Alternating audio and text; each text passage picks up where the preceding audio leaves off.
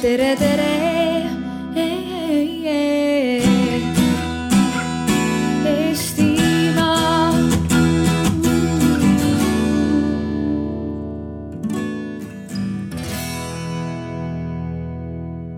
Digikultuuri teema-aasta ja me digikultuuri alal räägime kõikidest digitaalsetest asjadest. täna räägime sellest, kas digi on jõudnud ka meie kooliharidusse või meie laste harimisse laiemalt. Ja minuga koos on siin täna Ansori Barkalaja, kes äh, kõigile folgile käinutele on tuntud äh, kui öise laulikuna, aga ka äh, Viljandi Kultuuriakadeemia endise juhina, kus siis valmistatakse ette õpetajaid ennekõike, kes lähevad meie lapsi õpetama.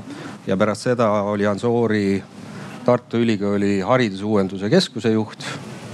Et tema siis esindab meil nii-öelda akadeemilist vaadet siis on meil Kristi Salu, kes kuni esimese augustini oli asutuses nimega HITSA ehk Hariduse Infotehnoloogia Sihtasutus, mis muutis nime ja struktuuri, aga see pole väga oluline. Kristi on siin kui programmi Progetiiger juht ja Progetiiger on siis laias laastus programm, mis on mõeldud laste digitaalsete võimete parandamiseks. Ja siis on meil Liis, kes on ühe tüdrukute huviharidusliku võrgustiku juht, mille nimi on väga ilus eestikeelne HK Unicorn Squad, mis peaks tõlkima vist kui Helen Kotka ükssarvikute üksus, midagi sellist. Mis on siis üle-eestiline võrgustik, kus lapsed käivad koos ja teevad asju robootikast kuni porgandite ujutamiseni minu nimi on Martin Adamsoo ja mina olen digikultuuri aastajuht. ja põhjus, miks see teema meil on täna siin paneelis, on, tuleneb minu isiklikust äh, hoolest või murest. et äh, ma olen laisk, aga mõnikord uudishimulik lapsevanem. Ja aeg-ajalt ma vaatan üle ukse, kui lapsed tulevad koolist koju, nad on siis põhikooli tasemel umbes. mida nad sealt koolist on koju toonud ja mida nad teevad? Ja teinekord läheb lausa nagu silm märjaks, ma vaatan, et poiss näiteks teeb samamoodi nagu minagi omal ajal plekist kühvleid, joonistab hariliku pliiatsiga küünlajalgu ja proovib mängida kammipilli, mis on väga lahe aga kui ma küsin ta käest, et kas te teete või kas te kasutate sedasama asja, mis sul kogu aeg käes on seda asja. kas te kasutate näiteks seda asja või teisi digitaalseid seadmeid ka selleks, et õppida näiteks tööõpetust või kunsti või muusikat, siis äh, vähemalt selles koolis, kus tema käib, seda ei juhtu. ja hakatuseks ma tahaksingi küsida teie kõigi käest, sest teil on kolm erinevat vaadet nii-öelda kodanik, riik, akadeemik. Kas asi on nii hull, nagu mulle sealt üle ukse paistab? mis seis meil on digivahendite ja digitaalse loovuse õpetamisega või laste selle juurde toomisega Eestis? rohujuur. mina alustan siis, olgu no mis seis meil on? no meie hakkasime oma seda tüdrukute ringi ju tegema tegelikult hoopis põhjusel, et meil on tüdrukuid robootikatundides, üldse tehnika huviringides väga vähe. Neid on seal ütleme üks protsent, et kui on kümme poissi, siis heal juhul on üks tüdruk, kui veab, siis on kaks. ja ja meile tundus, et see põhjus ei ole selles, et need tüdrukud ei taha teha neid samu asju, mida poisid, et nad ei taha käia siis robootikaringides või neid ei huvita tehnoloogia. vaid põhjus on see, et nad ei saa kuidagi hakkama seal poistega koos ja me mõtlesime, et me proovime siis varianti, et mis siis saab, kui on ainult tüdrukud et kas see huvi on või, või tegelikult neid ei huvitagi. ja üllatus-üllatus, huvitab küll, täpselt samamoodi, teevad täpselt samu asju, mida poisid ja, ja ainult tüdrukute ringis äh, tunnevad nad ennast turvaliselt, julgevad ennast seal väljendada, ei, ei jää kuidagi nagu tahaplaanile. ja, ja selle, sellest seisukohast ma võiks küll öelda, et noh, meil on nagu väga hästi, eks ju, selle huviringiga, mis aga nagu koolides toimub äh, seal on vist natukene teisiti et seal pigem mulle tundub, et on, äh, kui on mingi sellisem tehnilisem ülesanne ja on näiteks grupitöö, eks ju, ja poisid-tüdrukud nagu läbisegi, siis tüdrukud ikkagi võtavad sellise äh, kõrvalseisja või selle plakatihoidja rolli, eks ju, et, et poisid teevad seal siis mingit seda põnevat ähm, kokkupanemist ja, ja mingit sihukest inseneeriat ja, ja tüdrukutel siis lõpuks lubatakse siis hoida seda plakatit ja teha seda esitlust seal. et ta jääb ilma sellest eduelamusest, et see on tegelikult tore, et mina võin ka seda teha või, või robootikas äh, samamoodi, et nad töötavad seal baaris üldjuhul tundides ja siis äh, tüdruk, mitte et poiss võtaks, vaid tüdruk ise annab. seepärast tal on kuidagi, kas me oleme siis ise äh, mingite soo stereotüüpidega või kuidagi nagu edasi andnud seda, et, äh, et noh, tehnika, see on nagu poiste ala, eks ju, et, et, et noh, tüdrukutele sobilikumad alad on noh ikkagi noh, muusika ja tants ja kunst, eks ju. et selline sellised ilusad, ilusad asjad ja, ja siis ta nagu annabki sujuvalt selle ära, et jah, et okei okay,, et otsi sina neid või tähendab, pane sina kokku neid äh, äh, asju seal, et, et ma olen, otsin siis sulle klotse välja näiteks. et noh, alguses on tore, eks ju, aga noh, üsna pea nad kukuvad sealt ikkagi ära, et kui need üks-kaks tüdrukut seal alustavadki, siis noh, aasta-kahe pärast on nad sealt nagunii nagu väljas. ja, ja me arvasime, et äkki siis ainult tüdrukute variant töötab ja siis ähm, töötab, töötab., meile tundub, et töötab okay., praegu saame öelda. kas ma sain ette aru, et teil on kaheksakümmend sellist isetekkelist ringi üle Eesti, kus on kokku tuhat, tuhat kakssada tüdrukut millise ettevalmistusega nad tulevad, kui palju nad sellest valdkonnast teavad? Nad tulevad täiesti nullist? sisuliselt nullist jah. ja kes no., kes need sealt nullist edasi aitab? Äh, meil on äh, vabatahtlikute siis nagu võrgustik, eks, et me ei ole pannud sellist kriteeriumit, et selleks, et juhendada tüdrukute tehnoloogiaringi, peab sul olema tehnikaalaline haridus, ei pea. me oleme teinud oma tunnid hästi lihtsaks, varustanud need kõikvõimalike mm, videotutorialitega, kõikvõimalike juhenditega, isegi materjalid me anname kaasa, et see juhendaja ei pea isegi minema kuskile poodi või koolimaja pealt neid asju otsima. tal on kõik meie poolt olemas, vaatab selle kümme minutit videot läbi ja ta on tegelikult valmis selle tunni läbi viima. ja, ja need tüdrukud üldjuhul on jah nullist et mõni on käinud seal robootikaringis äh, varem, mõni käib isegi nagu paralleelselt, aga valdavalt on sellised, kes, äh, kes ikkagi ei ole nagu üldse kokku puutunud. Mhm. -huh. tulevad nullist, nad saavad, alguses on sihuke natuke ebalev, ma ei julge seda puutuda, ma ei julge teist asja puutuda. kolmandast-neljandast tunnist juba lendavad seal kõik peale ja tahavad kõike proovida ja teha ja, ja nagu hoopis selline teine, teine suhtumine seal.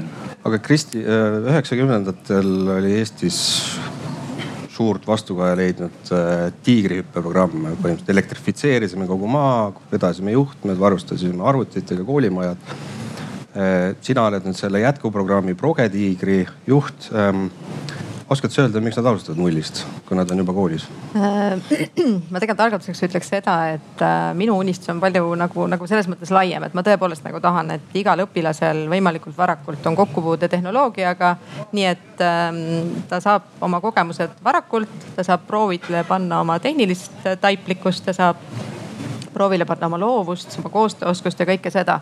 ja, ja tegelikult selle meie programmi eesmärk ongi see, et alustada juba lasteaiast ja, ja kuni siis äh, selle gümnaasiumi lõpuni leida erinevaid viise, kuidas siis õpilasi tehnoloogia juurde tuua, kuidas arendada nende digitaalset loovust, kuidas nende tehnoloogilist kirjaoskust arendada. et see on see, millega me tegeleme ja me püüame samamoodi nagu Liis praegu tõi näite sellest, et, äh, et nendel on olemas materjalid ja need tutorial'id, millega saab nagu kergesti teele minna, siis ka meie oleme püüdnud püüdnud luua võimalikult nagu ähm, head tingimused selleks, et koolid ja lasteaiad saaksid alustada. Äh, toetades seadmete soetamist, äh, luues materjale neile, mida nad saavad üks-ühele kasutada. ja, ja samamoodi toetades võrgustikku, tehakse koolitusi, et noh, et seal on väga erinevad äh, pooled, millega me püüame aidata ja noh, ma võin öelda oma niimoodi arvudele toetudes, et meie see protsent, mis koolidest ja lasteaedadest juba meie programmiga ühel või teisel moel seotud on, on muljetavaldavalt suur.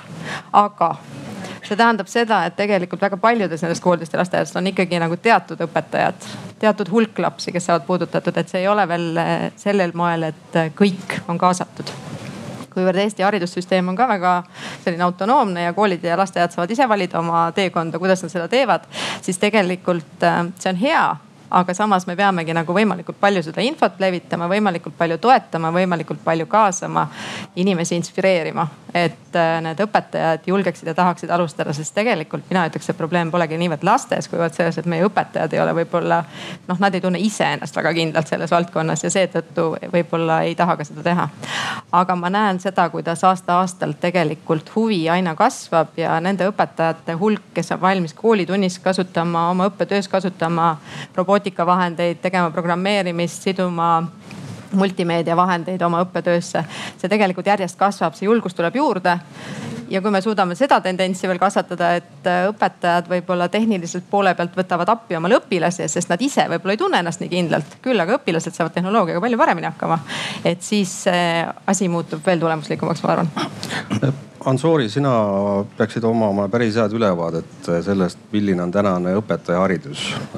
kui palju seal on üldse sellist digitaalset komponenti, et kas need, kes tulevad Tallinna Ülikoolist või Tartu Ülikoolist välja, kui hästi nad on tegelikult ette valmistatud selleks, et neid digitaalseid asju lastele edasi anda, sest noh, eile tuli ka korraks jutuks, et, et iga kord, kui minna mõne õpetaja juurde, öelda, et mul on fantastiline idee, et üks asi, mida sa võiksid veel teha siis ta on juba uksest väljas selle aja peale, sest tal on äh, päev on nii täis juba, ta ei taha mitte ühtegi uut asja sinna võtta.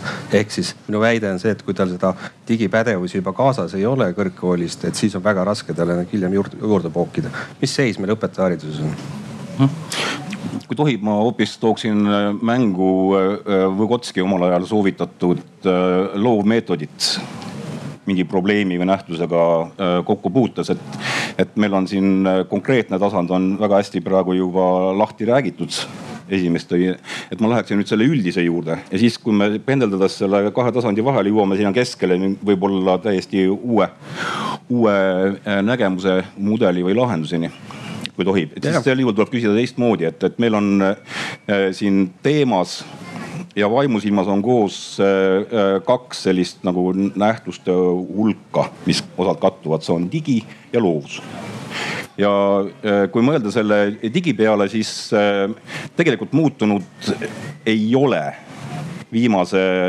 noh, poole miljoni aasta jooksul mitte midagi, noh kui me saame rääkida inimliigist.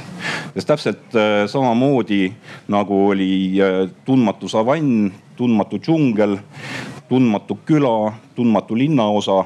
Samamoodi on siis ka need äh, uued põnevad äh, äh, digiruumid ja seal olev, olevad esemed ja kola on funktsionaalselt on, kui mõelda loovust, meie närvisüsteemi ja näärmete jaoks täpselt samad asjad.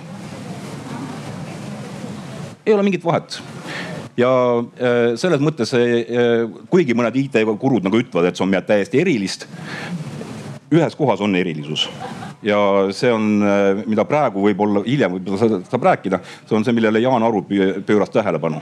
et puutetundlike ekraanide riist- ja tarkvara tegijad komistasid inimaju narkomaanilise omaduse otsa, see. ja see võib olla singulaarsus aga ta on veel avaldumata ja me ei tea, kas see avaldub või mitte. miks on oluline, ta on tegelikult äh, ühest küljest loovust väga tugevalt pärssiv omadus aga vinti peale keerata, võib sealt hoopis tulla plahvatus. nii et äh, sellepärast jätaks selle kõrvale, digiga on meil korras. jälle järjekordne ruum uued esemed ja kola, intensiivsemad natukene, aga äh, meie inimliigi seisukohalt ja meie närvikava, kesknärvisüsteemi näärmed, kõik adrenaliin ja kogu see muu kraam, ei ole vahet. ei ole erilisust.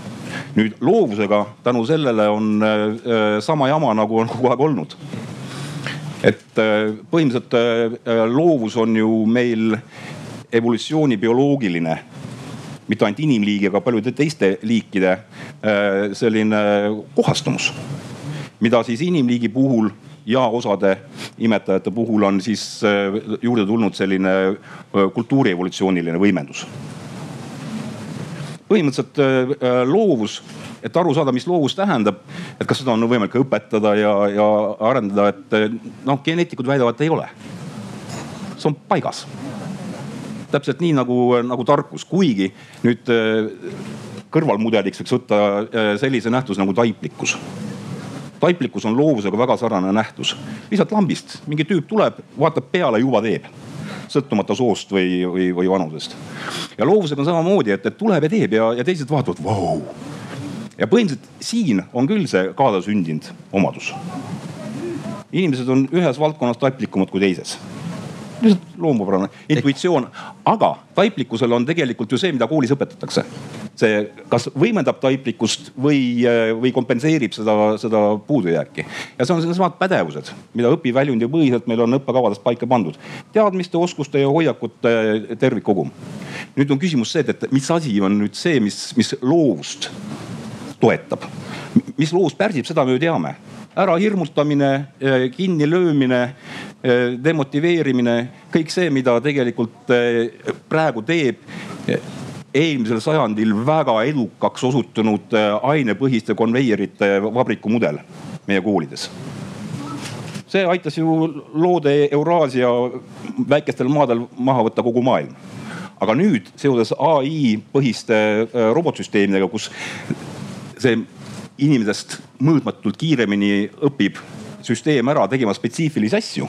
Neid töölisi enam tarvis ei ole. nüüd on küsimus see, et, et, et loovus, mispärast hakati üldse rääkima Davose majandusfesti-, majandusfoorumil, äh, OECD-s, et tuleviku töökohad nõuavad äh, loovust äh, kompleksprobleemide lahendamise võimekust ja kriitilist mõtlemist, mitte irisemise mõttes, vaid, vaid see, et sa oskad eristada asju kui... ehk siis su väide on see, et kui me räägime digitaalsest loovusest, siis digi on ainult vahend või haamer aga kuhu nael lüüakse, loovus, see on. Äh, jätkuvalt meie kõrvas ja südames ja noh neerudes ka natukene. neerudes ka, selge. aga Kristi äh,, kuidas on loovusega? Kas vastab tõele see, et või noh, mis ma väitsin, et, et, et kui sama plekkkühvlit valmistab mu poeg, mida mina valmistasin, kas see tähendab seda, et see ka loovusega on täpselt samamoodi nagu on olnud viimased, no ma ei tea vabariigi ajast alates? ma ei tea, kuivõrd ma ise olen päris pikka aega olnud õpetaja ja nagu otse põllul töötanud, äh, siis äh, noh loovuse arendamisega nagu ka kõikide teiste asjadega on ikkagi nii, et sa pead looma sellise keskkonna, kus ta saab areneda. ehk siis, et äh, kui on loodud see keskkond, kus äh, ei karda ei ole seda hirmu, kus ma julgen väljendada ennast vabalt, kus ma teen suurima rõõmuga koos teistega midagi uut.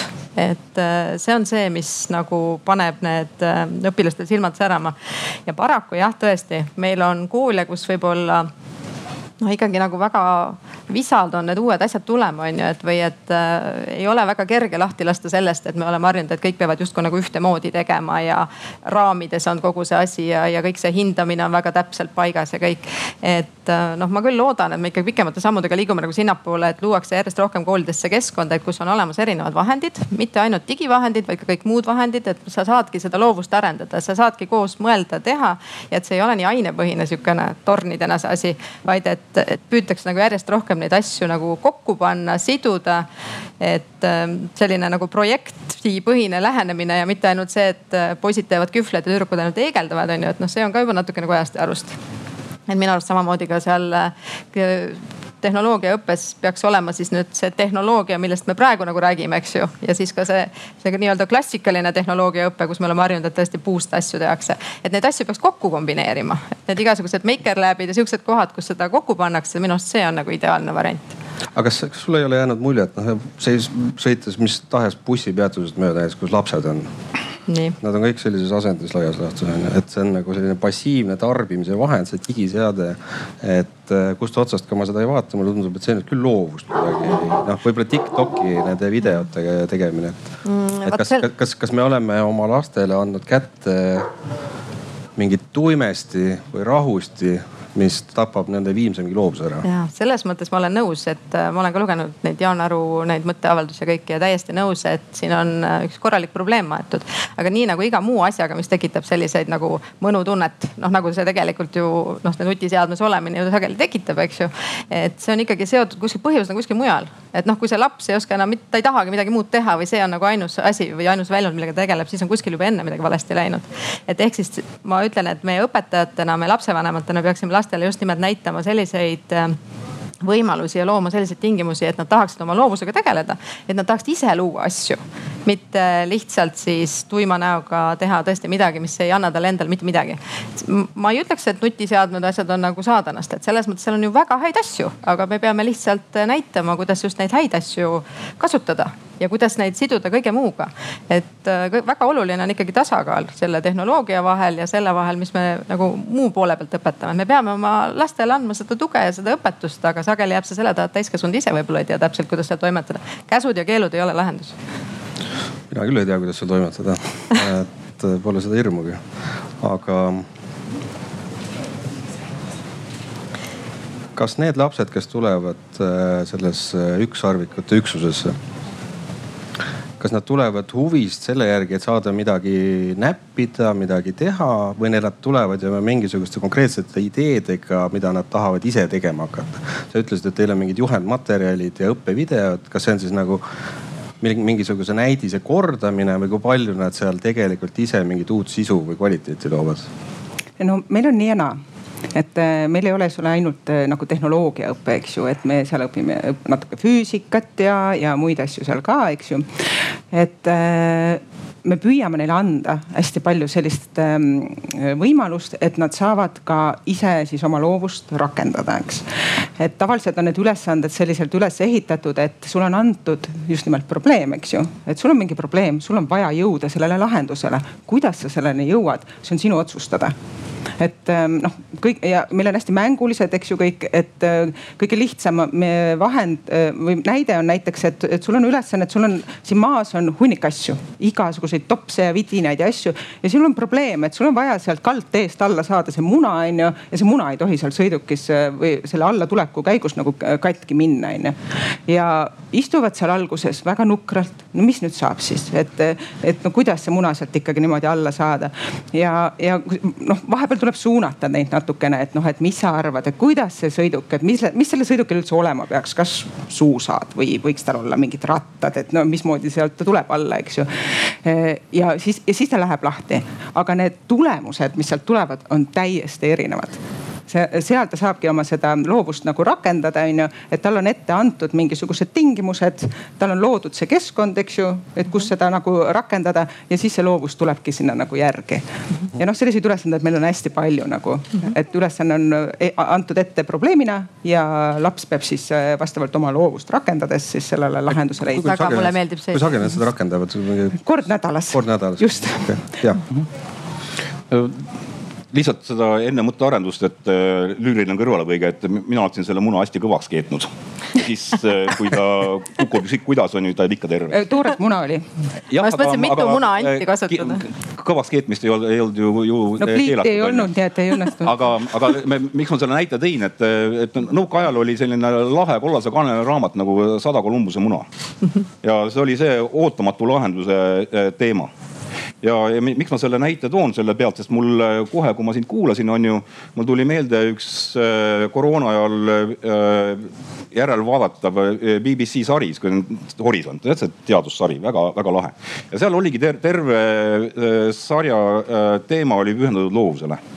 ja, ja see oli päris lahe, kuidas nad praegu on suutnud uurida elavat taju ja kuidas see elava aju uurimine on, on märgatavalt ara, äh, arendanud meie arusaama õppimisest, tegevuskusääradest ja loovusest.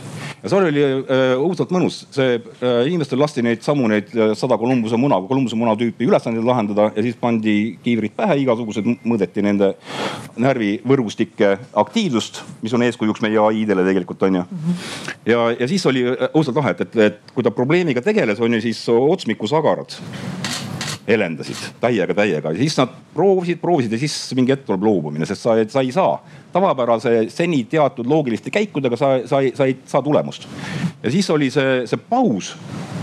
pausi aeg see asi tuhmus, kuklast lõi korraga sihukene alfalaine, nimetavad seda. tegi siukse reset'i kogu ajus ja kohe sellele otsa tuli otsmi, oimusagara ja selle somatosensoorsel sagara vahel tuli nagu tõeline sihukene valgus, põmm. ja ühendas parema ja vasuka ajupoolkera ära, kaasa arvatud otsmikorrad ja siis enamasti toimub see siis, kui tuli see ahhaa elamus, et ma nüüd sain lahenduse. nii et põhimõtteliselt see äh, annab loovuse kohta äh, teada äh, ühe olulise asja. loovus kaasasündinud võimena on nagu lõkkele asetatud katel veega. aur lihtsalt läheb ära. nüüd selleks, et saada loovusrakendust seda, mida tahab meie tööandjad või, või, või, või tulevad nii-öelda ettevõtjate ootajad, on ju.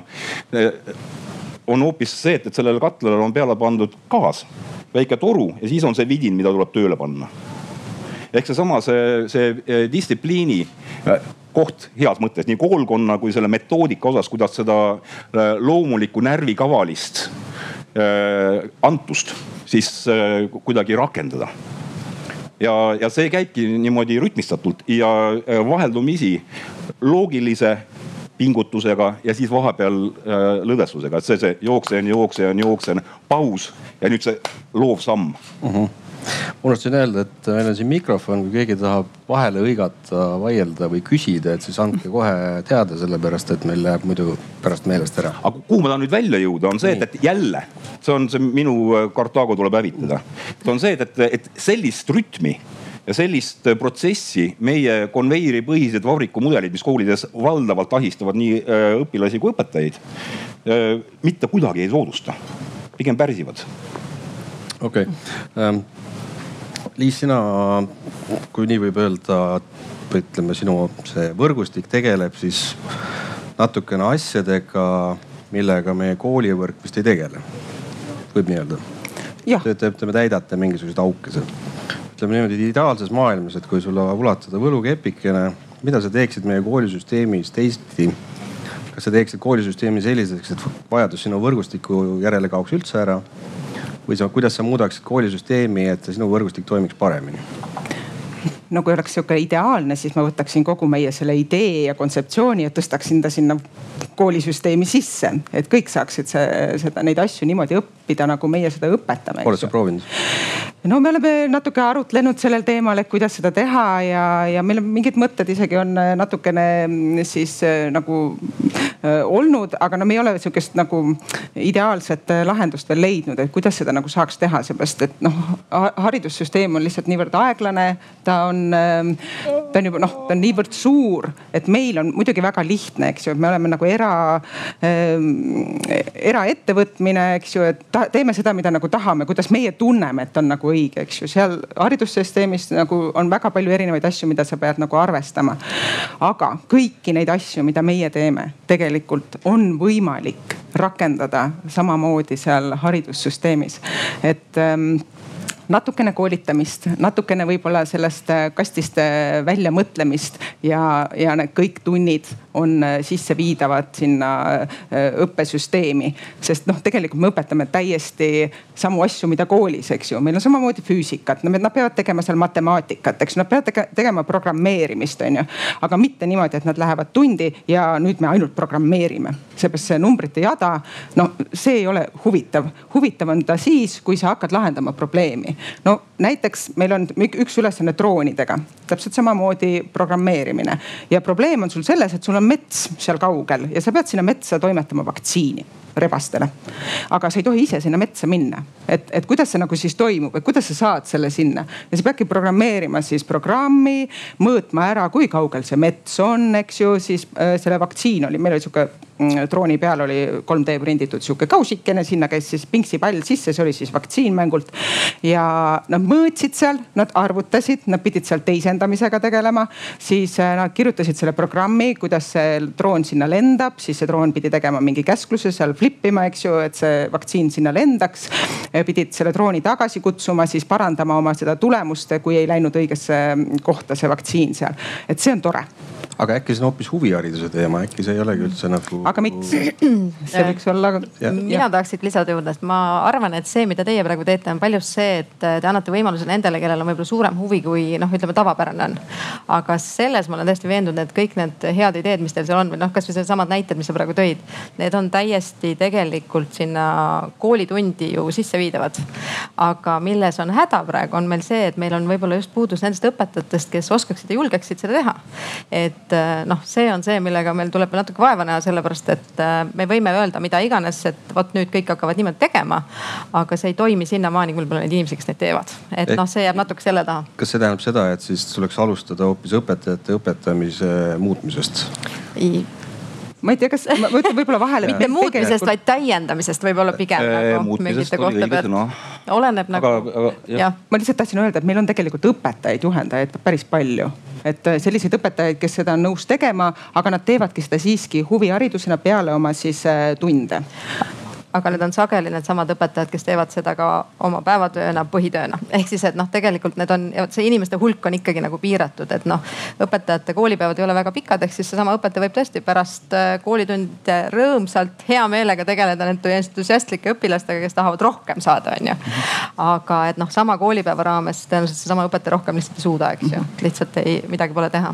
Assoori, sa olid haridusuuenduskeskuse juht, mida te seal uuendada tahtsite või mis, mis mida on vaja uuendada? no meil oli sihuke lugu, et, et kuna me olime avaliku sektori organisatsioonis äh, erasektori äh, ellujäämisreeglitega toimiv üksus, siis meil äh, tekkis loomulik vajadus hakata tegema valikuid, et kus öelda ei ja sellest äh, äh, vajadusest öelda ei ja ära lõigata siis ka mingisugune potentsiaal jah. et see risk oli nii suur, et siis me pidime hakkama endale täiendavalt hakkama analüüsima pidevalt nagu mõtestama iga tiiru järel on ju, et, et, et mis juhtus, miks juhtus, mis oli toimetegur, kuidas me saame seda äh, loovalt üle kanda, kas uude olukorda või, või teise kohta. ja, ja selle pideva vajaduse tõttu loovalt ennustada, ehk see harjutada oma sedasama emakese looduse poolt kingitud äh, närvikava. Äh, jõudsime selleni, et, äh, et vana tõdemus, sa saad seda, mida sa mõõdad ja mida sa premeerid ehk mille eest maksad. ja nüüd probleem on selles, et, et, et õpetajad, nende sissetulek otseselt sõltub äh, tunnide hulgast ja laste hulgast ministeerium võib rääkida, mida tahab aga ministeerium koosneb erinevatest üksustest ja erinevatest inimestest, kelle omavahelised arusaamad moodustavad kokku sellise toreda sotsiaalse skisofreenia äh, kogumi. Äh, riiklikud raamõppekavad on, on okidoki, kuigi enam mitte nii head, kui näiteks on Uus-Meremaal. aga ikkagi okidoki ja väidetavalt meie koolid on autonoomsed, jätkuvalt maailmas ühed autonoomsemad ja väidetavalt on meie õpetaja maailmas üks autonoomsemaid. jah regulatsiooni järgi, aga alama astme regulatsioonid tegelikult eh, teise käega võtavad tagasi selle, mida annab see üldine riigikogu tasemel vastu võetud seadustik. ja alama taseme regulatsioonid ütlevad väga lihtsalt. õpetaja koormus sisaldub ainetundide hulgast kooli õppekavas ja omal ajal äh, aineliidud metsikult võitlesid oma õpetajate, just oma aine õpetajate koormuse eest, mis tähendab seda, et, hästi palju on vaja emakeelt, sest maht on, vaata kui palju materjali. füüsika, matemaatika on ju, kunstid ah, vähese tähtsusega asi on ju. praegu on tulemuseks see, et, et, et anda ühele kunstiõpetajale korralik täiskoormus on ju, peab ta tegelema üheaegselt kolmesaja lapsega. no mida paganat on sellega võimalik teha, see on imiteerimine, mitte asja tegemine mõni kool on selle lahendanud nii, et, et nad on teinud huvide kooliga koostööd. Pärnu on väga hea näide. nii äh, noh, lotteainetes kui ka kunstiainetes mõned on proovinud järgi teha, ei tule välja. seesama äh, STEAM metoodika, mida Kiviõli lahti lastud direktor käivitas, on ju, oli väga vinge ja see on mujal maailmas ka. aga põhi case on ikkagi see, et, et omal ajal kuhjati hästi palju teadmismahtu selleks, et paisutada aineõpetajate võimalikult ühe asjaga, konveieriga tegelemise nii-öelda minimaalse jõukuluga või erinevate minimaalsete eritegevustega maksimaalne maht. ja nüüd nad peavadki truualamlikult käima kõik need mahud läbi, mis omale sisse pandi. ja neil pole ruumi Neil pole ruumi äh, uut asja sisse tuua, neil pole ajaruumi isegi äh, kahe aineõpetajal omavahel rääkida ja leppida kokku mingis lõimingus. Nad ei saagi seda teha, sellepärast et äh, bioloogias on see molekul või valk jah hoopis midagi muud kui keemias, sellepärast et ta on hoopis teisel aastal sügissemestril, mitte, mitte kevadsemestril. seetõttu ongi erinev ja mõned vaesed tüübid saavad alles ülikoolis teada, et, et see aatom, mida ta õppis füüsikas ja, ja, ja see aatom või molekul, mis oli keemias, on ju tegelikult üks ja sama asi. üllatus, üllatus. et äh, ei no ma ei, praegu ei utreeri, see ongi reaalne näide uh. -huh. ja, ja milles on case? ministeerium alama tasa, taseme regulatsioonidega ja sellega, kuidas ta maksab koolidele palgafondi. maksab pearaha korrutatud äh, äh, tunnid, ainetundide maht. ja loomulikult äh, siis üks üksus annab koolidele nii-öelda vabaduse regulatiivse, aga teine üksus kontrollib et oleks täpselt järgitud need aine, ainekavade just selline vormistus ja kui mõni erakool näiteks, ma olen noh suitsunurgas kuulad pealt, kuidas käib vaidlus. mõni erakool tahab kokku lõimida ja, ja viia sama ajaühiku sisse nagu kahte-kolme ainet, on ju. segades selle püha ja puutumatu ainekonveieri sinna ära, te ei saa ju enam mõõta. Damn it, ministeeriumi ametnik läheb närvi selle peale. ta ei saa kontrollida, ta ei saa oma tööd teha et siin ongi nagu see, see koht, kus võib eh, digimaailmal see usability ehk kasutajasõbralikkus tuua kontseptsioonini sisse, et, et kas õppeprotsessis peab olema see kasutajasõbralik eh, järelvaataja, kontrollija seisukohalt või äh, selle protsessi läbija ma pean silmas ka eelkõige õpetajat, kes selle lõpptulemuse eest ju vastutab. mis sellest lapsest saab, mis on tema selle kaasasündinud potentsiaalide järjestikuse ärakukkumise alles jäänud, mis peaks kuidagi tagama elus toimetuleku. või, või teema noh eelkõige õppija seisukohalt, jah, meil sõnades on ju kõik on väga ilusti, õppijakesksus ja, ja see enesetõhusus ja ennastjuhtimine, aga mõõdame ja maksame äh, ikkagi üle-eelmise sajandi süsteemi järgi. inimesed teevad seda, mida, mille, mida mõõdetakse. Kristi, oled sa nõus sellega? Ei, selles mõttes ma olen nõus küll, et äh, see, mis Ansoori kirjeldas, see on tõesti nagu õige, et meil on mingisugused süsteemid on natukene võib-olla nagu tahaks ülevaatamist ja korrigeerimist. aga Väga samas jah, aga ma arvan seda, et tegelikkuses ikkagi on koolidel päris suur vabadus ise oma asju teha. et eh, noh, meil on päris palju ikkagi selliseid väga häid näiteid, kes on suutnud oma, oma õppekava reformida ja, ja siduda erinevaid aineid kokku ja, ja samm-sammult liigub selle poole, et ikkagi on asjad omavahel lõimitud, et eh, ühes aines õpitav oleks ka teises aines nähtav ja arusaadav, et need noh, ütleme nii, et sinnapoole liigutakse. aga nimetaks need koolid nimetaks need koolid, kes seda teevad. RAM, jah, see Rocca al Mare, Tera. no neid. iga päev jah, Rasmus teeb, eks ole, no ma, mul oma laps, lapsed on õppinud Gustav Adolfi gümnaasiumis, ma ise olen seal õpetaja pikalt olnud, ma näen, mis suunas nad nagu liiguvad seal on ju. Eestis on viissada kooli.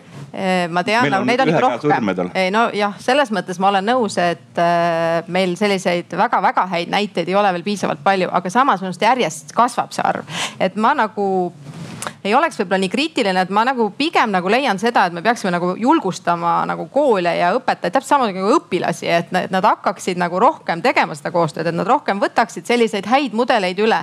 ma tahaksin, mis oli minu jutu uba, oli see, et, et tuleb muuta mõõtmise rahastussüsteemi mm. -hmm. see peab, selle iseloom peab olema äh, samasugune nagu see äh, eesmärk või, või ülesanne, äh, mida me seame õpilastele, õpetajatele, koolidele.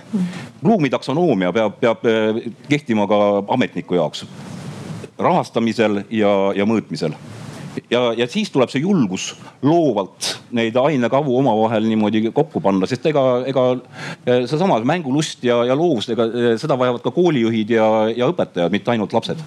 ma olen nõus, et meie bürokraatlikus maailmas ja selles on kõvasti asju, mida saaks palju paremini teha.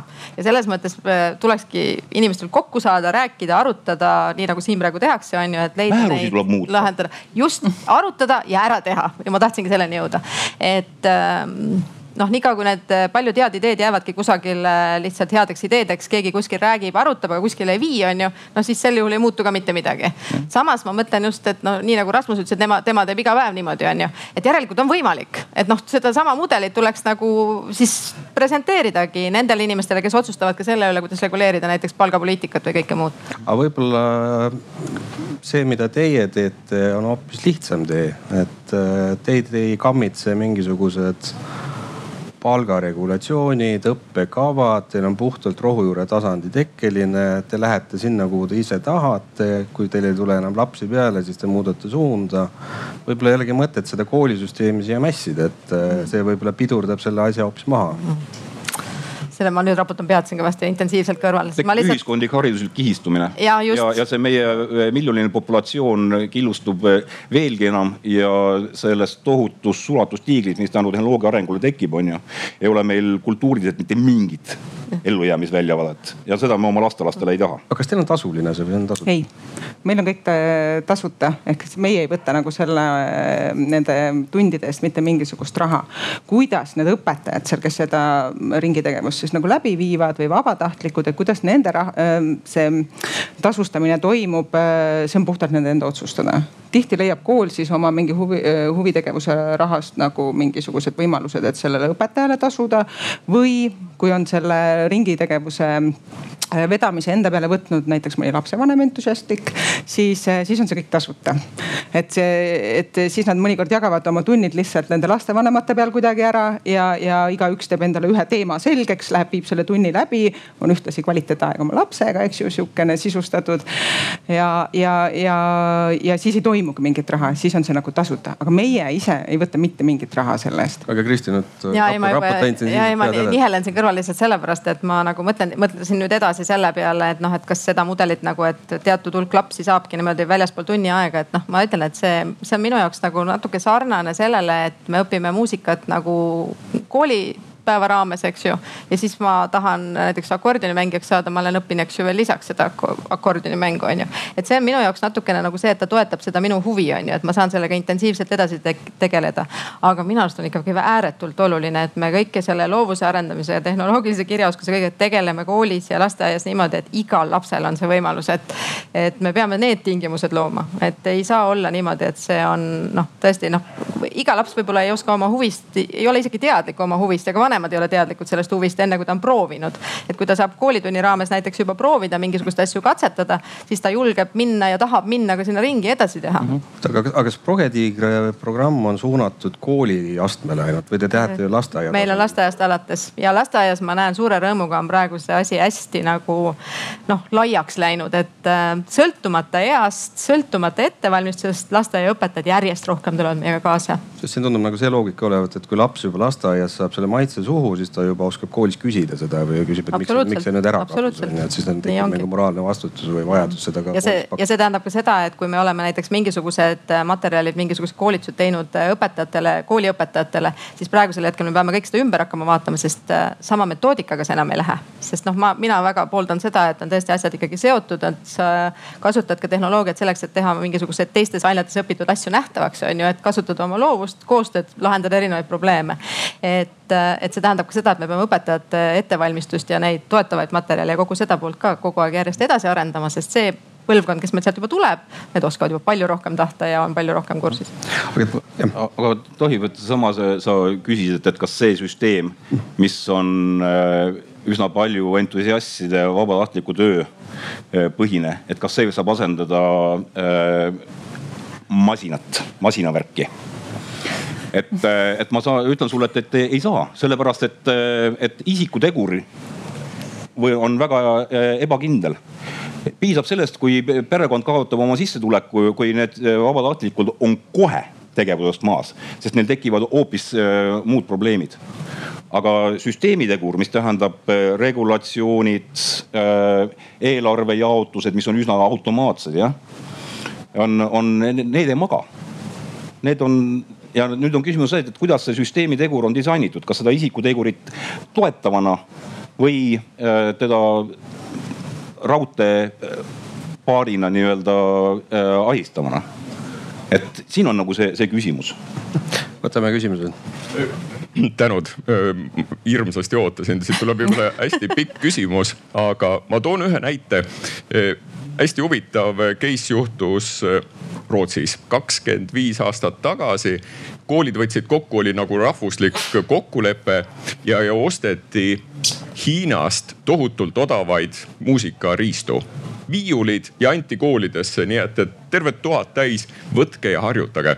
hiljem mõõdeti kuskil viisteist aastat hiljem eh, Rootsi muusik, muusikatööstus kasvas hüppeliselt tänu sellele panustamisele. Eh, loovuse poole pealt võib-olla, Ansori võib-olla kommenteerid, eh, kas see on võimalik ja kuidas. ma arvan, et tänu Unicorn Squadile kuskil kümne aasta pärast meil tuleb selline hüpe, nii et, et hoia alt nendest noorest, kes täna on alustanud. aga nüüd ma tulen küsimuse juurde.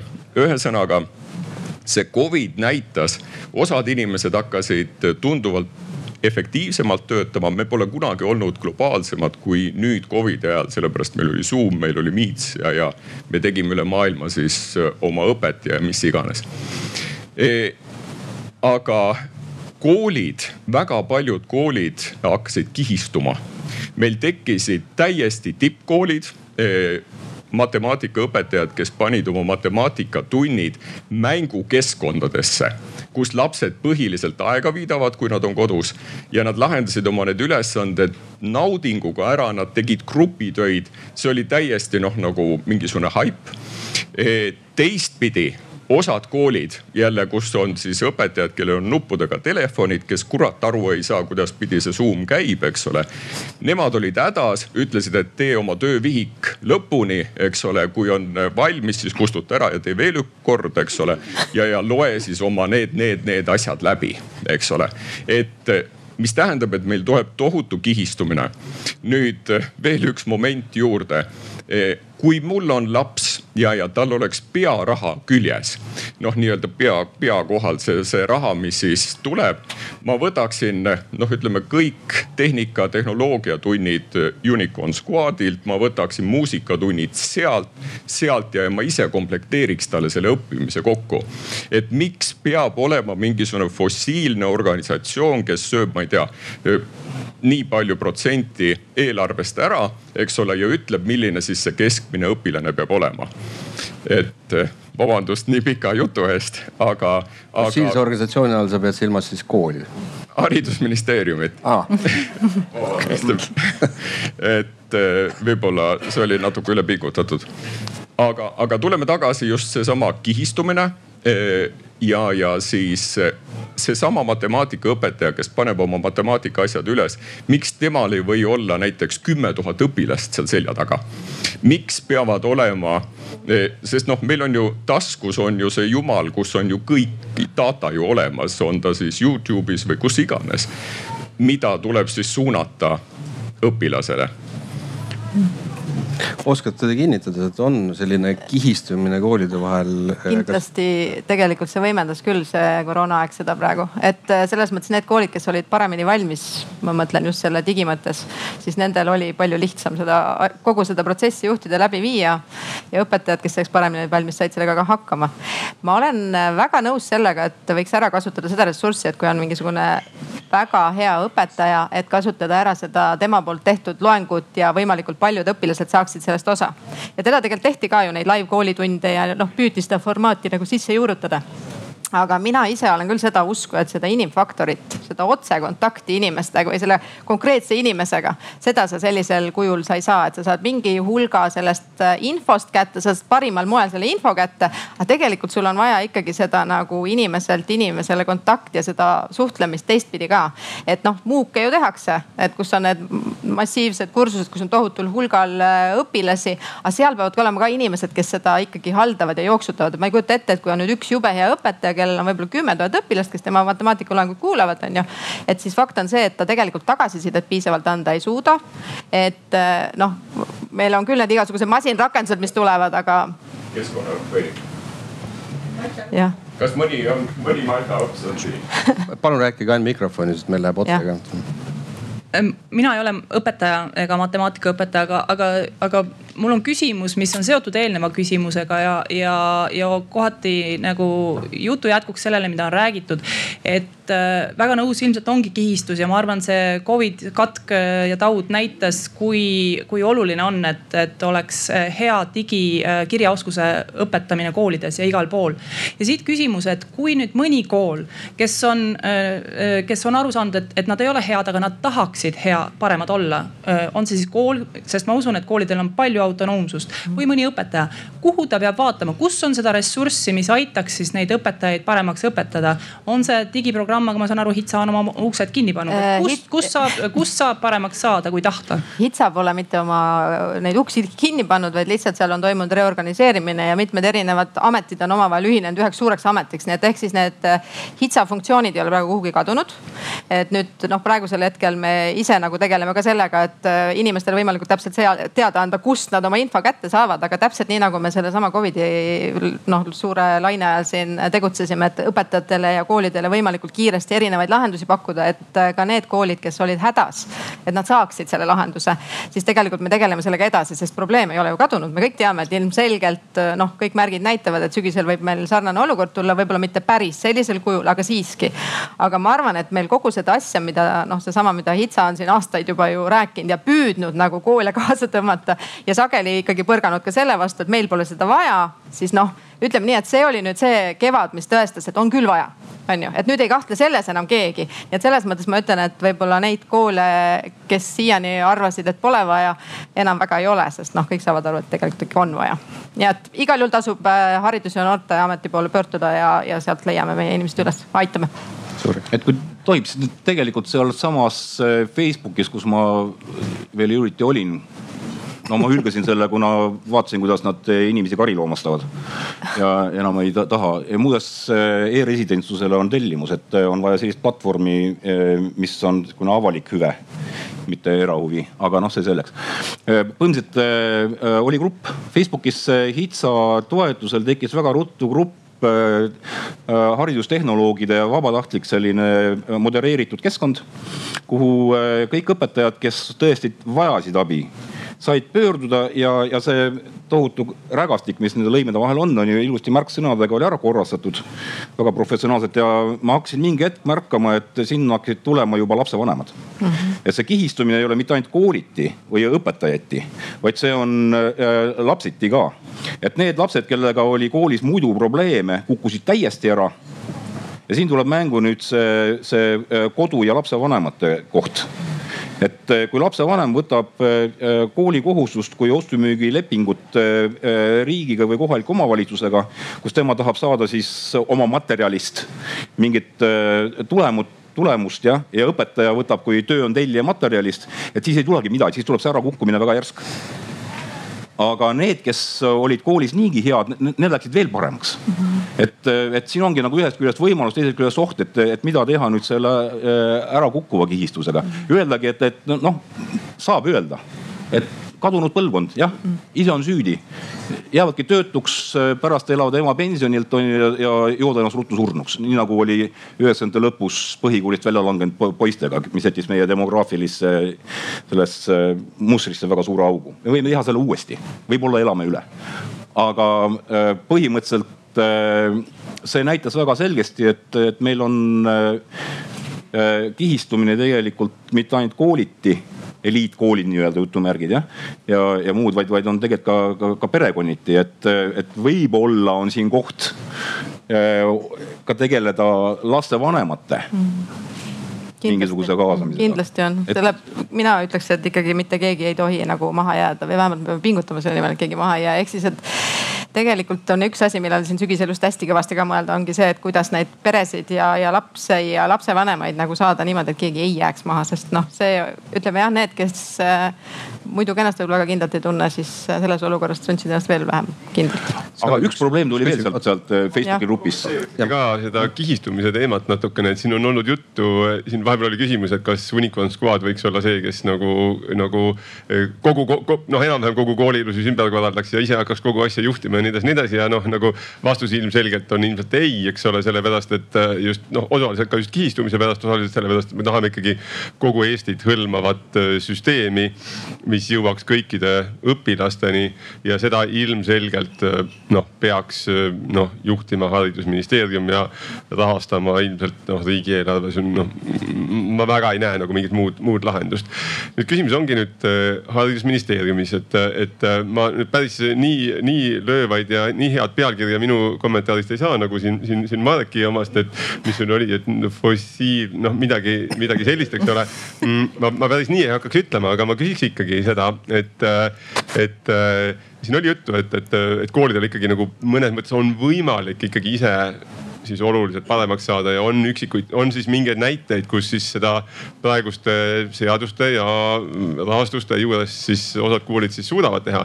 ja no ma ei tea, kui palju neid on, ütleme Eestis on minu teada umbes neliteist tuhat õpetajat, et, et noh, sihukese suurusjärgu mõttes, et ma ei tea, kui paljud nendest on siis nagu nii-öelda siis nagu need uuenduste eesliin. ma no võib-olla suurusjärgu mõttes ütleks võib-olla sada ja aga ma parema meelega näeks tegelikult, et nendest sajast õpetajast viiskümmend oleksid oleksid haridusministeeriumis ja need viiskümmend nii-öelda õpetaksid ülejäänutele ja korraldaksid ümber kogu need ülejäänud kolmteist tuhat üheksasada viiskümmend.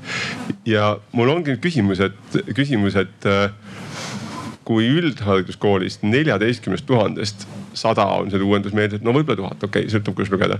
siis kuidas on sellega haridusministeeriumis? haridusministeeriumi töötajatest, juhtkonnast, kui palju on neid uuendusmeelseid? mina ei tea, meil vist ei ole siin kedagi, kes oskaks kommenteerida. ma saan öelda, et, et ministeerium on, on väga ebaühtlane nagu Eesti ühiskondki mm. -hmm. et seal on väga ägedaid tüüpe väga kaasaegseid, väga mõtlevaid mm. -hmm. osad aeg-ajalt lahkuvad sealt on ju, sest keskkond ei, ei, ei soodusta. aga, aga kogu aeg on alati seal ütleme mõned väga terased tegelased, kellel on süda õige koha peal aga on ka selliseid, kes äh, nagu paljud õpetajadki, et, et loodame, et ma jõuan enne ära surra, kui elu sunnib lõpuks muutustele. aga et, ilmselt neid ei ole ikkagi piisavalt, sellepärast et ma arvan, et üld selline noh, pilk ikkagi, kui ümberringi vaadata, siis on nagu tunne, et, et pigem midagi ei muutu. see trendijoon ei ole positiivne aga... või pigem ta on positiivne nagu nende eraalgatuste mõttes. aga millele, millele tuginedes sa seda väidad? see on sul mingi sisetunne või või...? jah, sisetunne rohkem, et ma ei, ma võib-olla siin keegi oskab andmepõhiselt vastu väidada. ma on, hea meelega annaks mikrofoni edasi. üks kogemuspõhine asi ja see on vastus Martini äh, päris alguses küsimusele, et, et, et kas õpetajate koolitamisel saaks midagi teistmoodi teha ja põhimõtteliselt äh, äh, teades, et äh, ei Tallinna Ülikool ega Tartu Ülikool kahe peale eriti mingite ainete lõikes ei, ei suuda korvata seda kadu, mis tuleb juba mitte pensioneerumise, vaid ärasuremise kaudu kahe peale ei suuda. et tegelikult ja arvestades seda, et, et ülikoolis õpetatakse mõnel puhul ka aktiivõppemeetodeid sihukese rääkiva pealoengu vormis ka vastus küsimusele, et, et õpetajad ei oska õpetada teistmoodi, kui neid on õpetatud mm. -hmm et äh, üks variant on anda mõnedele koolidele, mis vastavalt kindlatele tunnustele äh, õpetus, õpetaja koolituse õigus tegelikult on äh, äh, Inglismaal on, on päris mitu kooli, kes on sellises võrgustikus äh,. Äh, kus koolitataksegi õpetajaid ja ka tulevasi koolijuhte selle uue süsteemiga. Niimoodi ja just seesama see soovitud asi, et, et, et see leviks. et selleks ei tule neid häid õpetajaid, kes on õpetamisvõimelised, kolleegi õpetamisvõimelised, ei tule mitte suunata ministeeriumisse, sest seal nad surevad ruttu välja vaid tuleb suunata nende juurde, lasta inimesi, aga koolide rahastamisel sel juhul tuleb äh, kasutada süsteemi, mis vabastab selle aja sellele õpetajale oma kolleegide tiimipõhisele õpetamisele, nii nagu nad eeldavad äh, õpilastelt. Mhm. mina lisan siit juurde, et tegelikult meie lahendus on ka paljuski see, et me kasutame ära oma võrgustikke ehk siis needsamad entusiastlikud õpetajad, need see vähene hulk, kes meil on, et need oma sõna nii-öelda oma kogemust levitaksid edasi, et noh, näiteks meil Progatiigri programmil on samamoodi, meil on oma võrgustik võrgustik, kus on meil aktiivsemad liikmed, pluss meil selle sees on veel äh, kakskümmend neli äh, mentor nii-öelda Progatiigri liiget, kes siis oma piirkonnas koostöös püüavadki just nagu võimalikult suurel hulgal äh, koolijuhte, õpetajaid kaasa tõmmata, näidata neid asju, mida on võimalik teha. aga see ei lahenda aja küsimust, aeg on niivõrd oluline ressurss ja inimeste, kes on andekad ja, ja südamega professionaalsed eestvedajad, kui neile anda nüüd lisategevus no see on selle nagu..., siis nad põlevad ruttu läbi, see on tegelikult on kuritegelik. selles mõttes ma eeldan, et see on nagu tasustatud töö võiks olla. Nagu. tasustatud töö, aga siis mitte täiendavalt, vaid, vaid see peaks olema aja vabaks ostmine mm. -hmm. Okay. sellega ma olen nõus, sellega ma olen nõus, Ansori. aitäh, mhm. võtame ühe küsimuse. ja, et äh, ma sooviks korraks, kuna me oleme praegusel hetkel või te olete siin diskussioonis hästi palju just ikkagi keskendunud nagu koolidele ja selle, mida teha just nagu äh, läbi õpetajate ja õpetajate õpetamise ja nagu noh e, eestvedajate leidmise.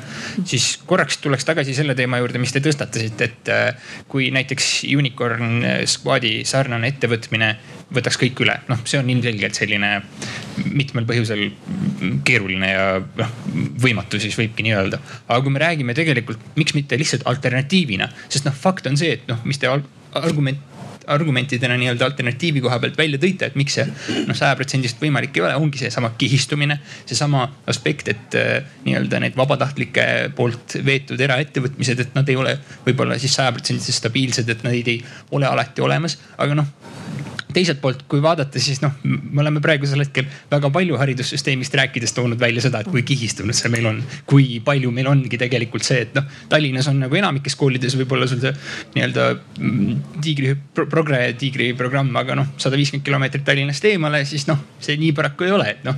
näiteks mul endalgi, kuigi mina jah, olen natukene juba kümme aastat tagasi keskkooli lõpetanud, siis olen ise see inimene, kes on avastas programmeerimise kui tõeliselt nagu väljakutse ja asja, millega ma tahan tegeleda kogu elu lõpuni. alles ülikooli teisel aastal, enne seda mul ei olnud mitte kuskilt isegi nagu noh, ma ütlen ausalt, enne keskkooli lõppu ja see on võib-olla ka nagu probleem minu suhtes aga ma ei, ma ei, ma ei teadnud, mis asi on programmeerimine ja noh, see, see on, sellest on nagu väga kahju, sest et noh, ma väga oleks tahtnud seda nii-öelda teada.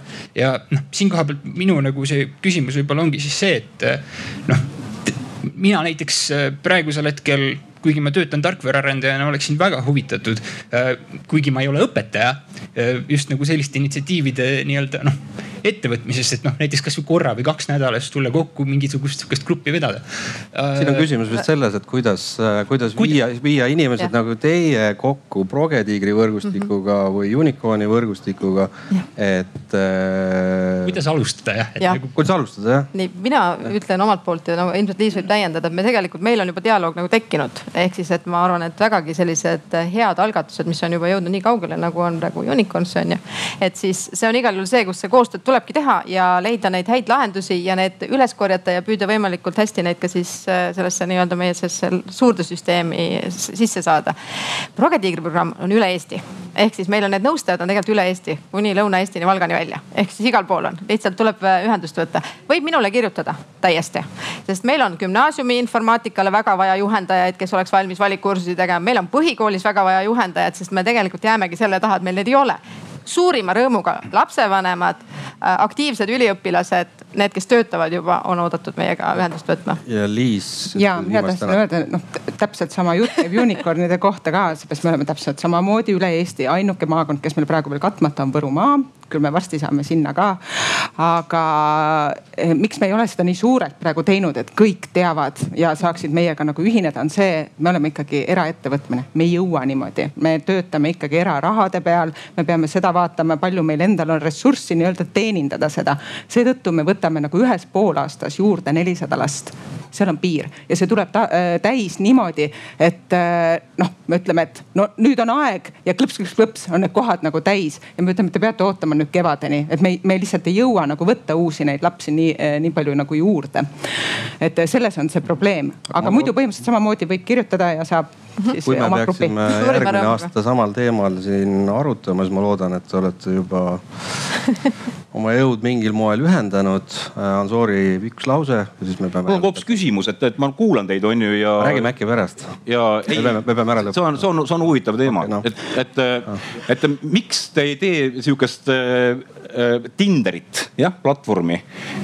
Et selles mõttes, et, et, et teid mõlemaid üle koormata üksikpäringutega on ju, teha selline platvorm, äh, kus sellised äh, õpetajad mingi koormusega äh, tegevust tahtvad inimesed saavad kokku konkreetsete õpilastega et kui selline platvorm teha, siis see, see süsteemina äh, jälle ei maga, vaid toetab mm. -hmm. Teie väsite ära ükskord nende päringute peale.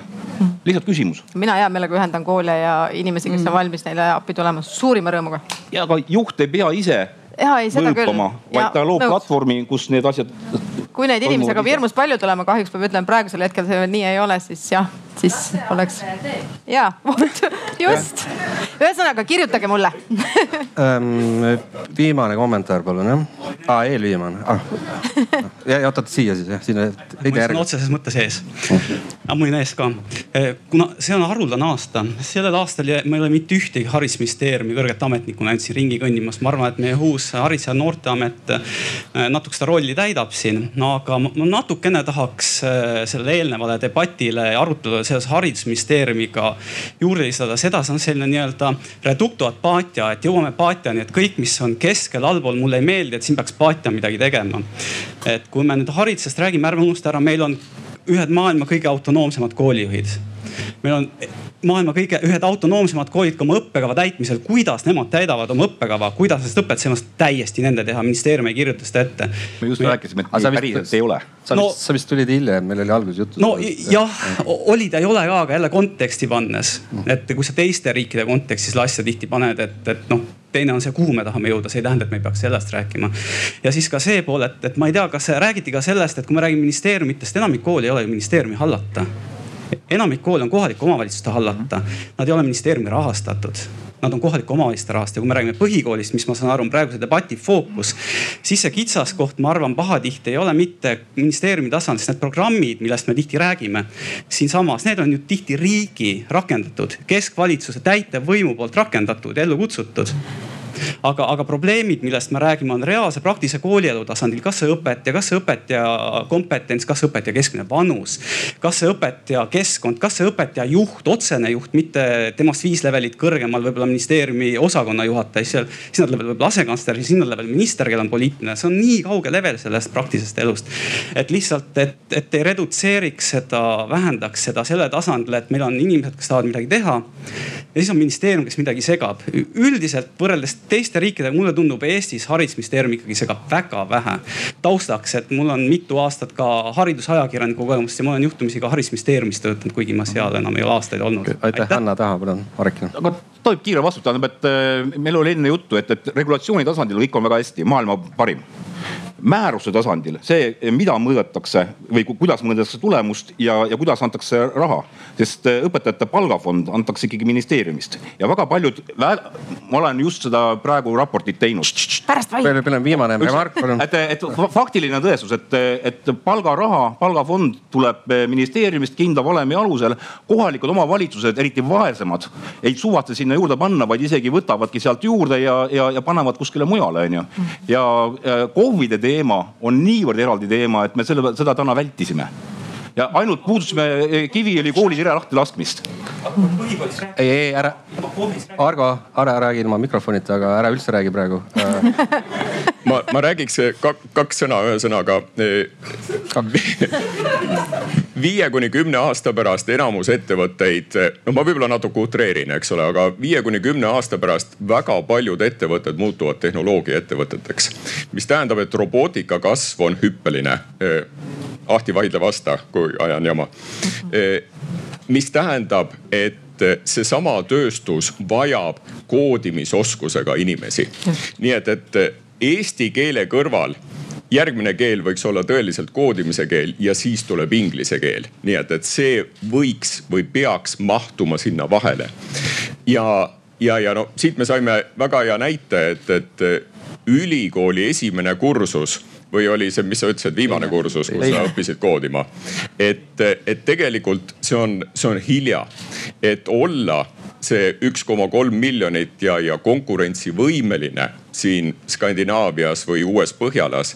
selleks meil õpilased peavad juba maast madalast võtma selle koodimiskeele nagu baasoskuse kõrvale.